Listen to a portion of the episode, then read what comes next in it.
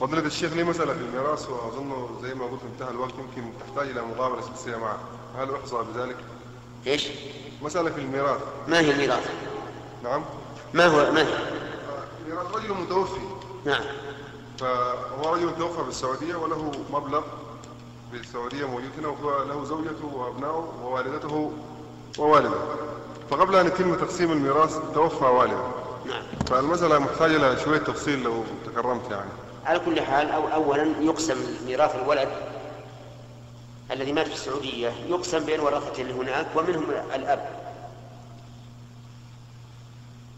على حسب فرائض الله للأم السدس وللأب السدس والباقي للأبناء.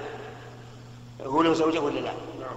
وللزوجة الثمن والباقي للأبناء والبنات للذكر من حظ الأنثيين.